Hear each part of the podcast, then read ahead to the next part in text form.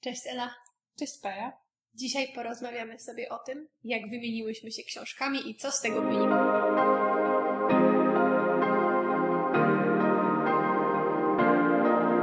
Myślę, że wyniknęły z tego bardzo ciekawe przemyślenia. Mam już nadzieję. trochę wybiegam do przodu i już wnioskuję, chociaż dopiero zaczynamy. E, Serdecznie Was witamy w kolejnym odcinku naszego podcastu. Już tłumaczę. Dzisiaj będziemy rozmawiać o dwóch bardzo ciekawych książkach napisanych przez kobiety, o kobietach, z historią w tle.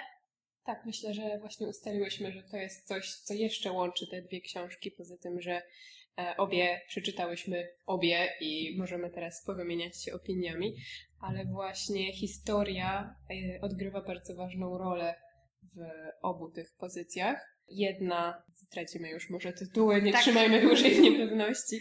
Jedna z książek to Ghost Wall Sary Moss, która coraz częściej pojawia się w naszych odcinkach i dzisiaj pojawi się tak najbardziej opisowo. Myślę, Tak. że wymienimy się em, opiniami. A druga książka to Czarownice autorstwa Mony Scholle.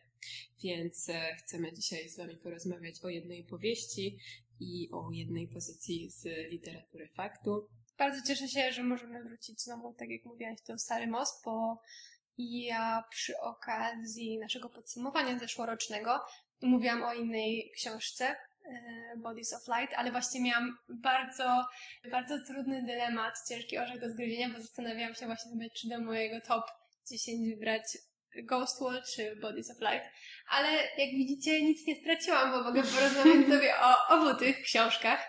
E, Jest to książka, którą ja dałam Eli do przeczytania. Podobało Ci się, Ela, co? Bardzo mi się podobało. Czytałam już wcześniej jedną Sary Moss, ale ta ostatnia, którą mi poleciłaś, zrobiła na mnie ogromne wrażenie. Mam nadzieję, że, bo jest to dosyć nowa pozycja, więc mam nadzieję, że wkrótce zostanie przetłumaczona i pojawi się też na polskim rynku, żebyśmy wszyscy, wszystkie mogły się z nią zapoznać. Może powiemy w skrócie, o czym jest ta książka. To jest bardzo, to jest, to jest właściwie nowela. Myślę, że możemy Mhm. tak powiedzieć, bo to bardziej nie powieść. Nie wiem, ma 140 stron. Teraz sobie tak zajrzę. Tak, 150 stron. Książka ta opowiada historię nastoletniej Sylwii, która razem z rodzicami dołącza do wyjazdu archeologiczno-historycznego pewnego profesora z jego studentami. I tam zajmują się rekonstrukcją życia w Brytanii z czasów przed, przed, Rzymian, przed Rzymianami. dokładnie. Więc to jest tak jakby całość, tło dla wszystkiego, co dzieje się w tej książce. A moim zdaniem w tej książce na tych 150 stronach dzieje się mnóstwo. Zgodzisz się ze mną? Tak, tak. y, Jest to przede wszystkim, poza oczywiście wydarzeniami właśnie związanymi z tą rekonstrukcją, z tym odgrywaniem i jakby zatapianiem się w ten e, świat sprzed wielu tysięcy lat, to przede wszystkim moim zdaniem dzieje się wiele na płaszczyźnie relacji rodzinnych. Jak zwykle, wiadomo, Jak zwykle, to co, to co już mówiłyśmy, że jest e, mocną stroną Sary Moss i co jest zawsze głównym tematem jej książek. Tutaj E, Również mamy rodzinę, gdzie relacje są bardzo napięte, pełne emocji i e, my jako czytelnicy dopiero zapoznajemy się z, z tą Ze sytuacją. skalą ze tego, jak skalą. ta Mhm. rodzina no, jest dotknięta właśnie przez dyspotecz, despotyczną postać ojca, który trzyma e, żonę i swoją córkę w takim bardzo dosyć żelaznym uścisku. Mhm. I co dla mnie też właśnie było ciekawe w tej książce, to to jak na, biorąc sobie znowu za obiekt pracy rodziny, jak Sarah Moss bada zależności między, między poszczególnymi członkami i to, jak analizuje przeszłość i przyszłość. Bardzo, Mhm. mi- To mi się bardzo podobało w tej książce. Mm, I też podobało mi się to, jak ojciec wykorzystuje przeszłość, żeby dopasować ją do swojego wyobrażenia o świecie. Mhm. Bardzo, dla mnie to była bardzo polityczna książka i dopatrywałam się w tym bardzo sprytnie zarysowanego nacjonalizmu i jego podejściu. To bardzo ciekawe. Tak. Ciekawy punkt widzenia. Nie pomyślałam o tym czytając tę książkę, ale rzeczywiście można tak to interpretować, kiedy teraz o tym mówisz. Tak, właśnie tak, tak mi się wydawało, biorąc pod uwagę to, jak on wykorzystuje y, historię, tradycje, tradycje wartości, jakieś dokładnie, z dawnych dokładnie. lat, żeby e, w jakiś sposób usprawiedliwić swoje własne uprzedzenia i chęć narzucenia innym swojej ideologii, swojej woli.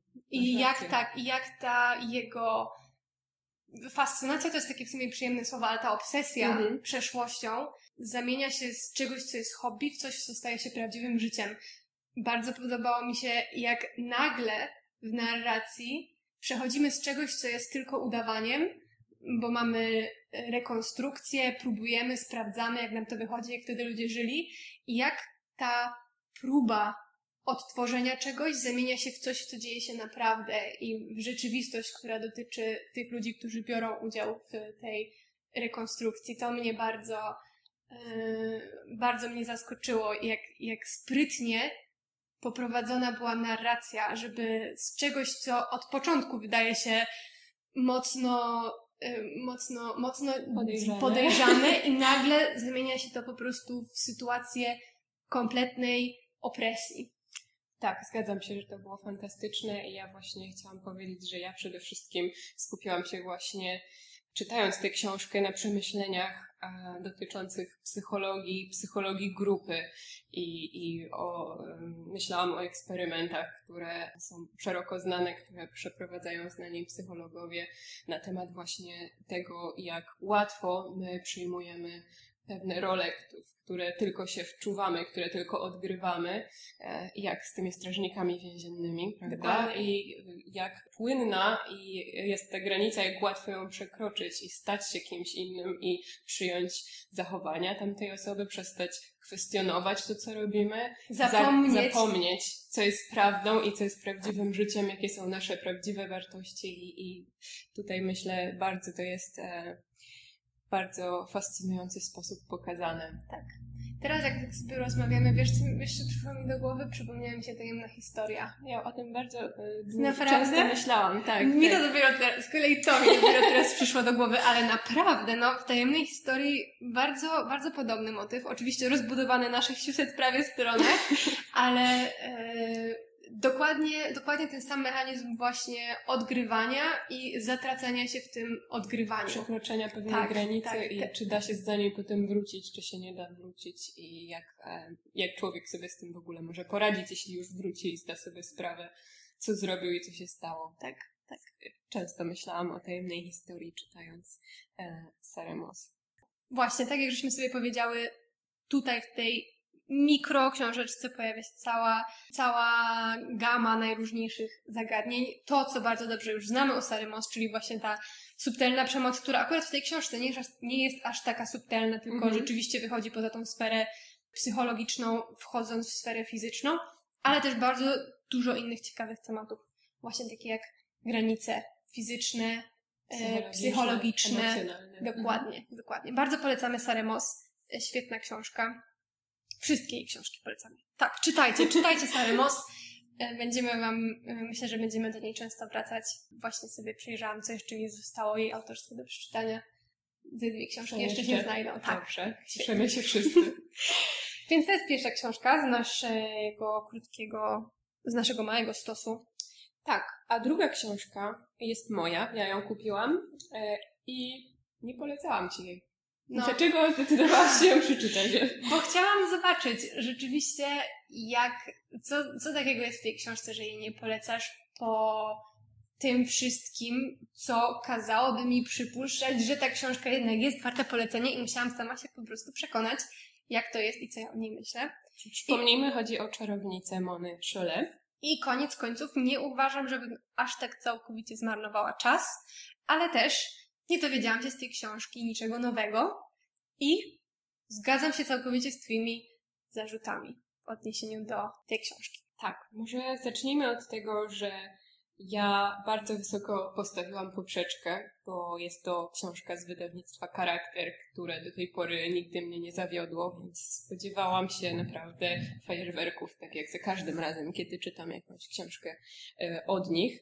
Natomiast tym razem im bardziej zagłębiałam się w tekst im dalej już byłam w tej książce, tym bardziej miałam wrażenie, że um, autorka trochę krąży wokół tematu i nie podchodzi do, do tego, co ja myślałam, że będzie sednem tej książki. I właśnie to, o czym wspominasz, że nie dowiaduje się niczego nowego, że to są powtórzone i sumowane, jakoś syntezowane rzeczy, które znamy już z wielu innych publikacji feministycznych i okołofeministycznych.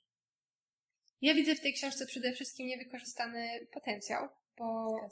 Mhm. mamy tutaj różowo na białym czarownicę i bardzo, po bardzo obiecującym wstępie, gdzie przytoczone były teksty e, historyczne i jakaś taka próba zanalizowania ich pod kątem kulturalno-socjologiczno-historycznym zaczęła się dziać, to potem to kompletnie zniknęło. Czarownice, tak jak się pojawiły, e, zarówno w ujęciu historycznym, mając na, mając na e, myśli ludobójstwo, jakim było palenie czarownic mm. w, w przeszłości, i te kulturowe czarownice, mm. które również się tutaj pojawiają, no one po prostu zniknęły. I pojawiły się tutaj przemyślenia autorki dotyczące jej własnego życia oraz próba an analiza tekstów i dzieł kultury pod kątem feministycznym. I ja nie mogę odmówić Manieszole erudycji, to prawda. tylko po prostu to dla mnie nijak się z niczym nic się nie łączyło. Wstęp, w którym mówimy o czarownicach, następnie przemyślenia dotyczące życia autorki, własnych e, decyzji, zapatrywa się na pewne sprawy, a potem jeszcze między to powtrącane właśnie różne przykłady z kultury. Nie wiem, czy ty też to tak odbrałaś, że to właśnie jest takie kompletnie jakoś nieposkładane razem? Tak, że właśnie brakowało takiego silnego motywu przewodniego, którym miały być te czarownice. One się pojawiały od czasu do czasu e, w zupełnie niespodziewanych momentach, ale brakowało mi takiej, takiej przemyślanej, jakiegoś przemyślanego szkieletu, nazwijmy to, na którym byłoby to wszystko logicznie zbudowane. I tak jak mówisz, trudno odmówić autorce erudycji, trudno się kłócić z wszystkimi e, argumentami, które ona przytacza, bo jak najbardziej myślę, że są prawdziwe i... I zgadza, pewnie byśmy się z nią, i zgadzamy się z nią, i pewnie byśmy się z nią zgodziły w tym, jak myśli i, i, i w tym, co mówi.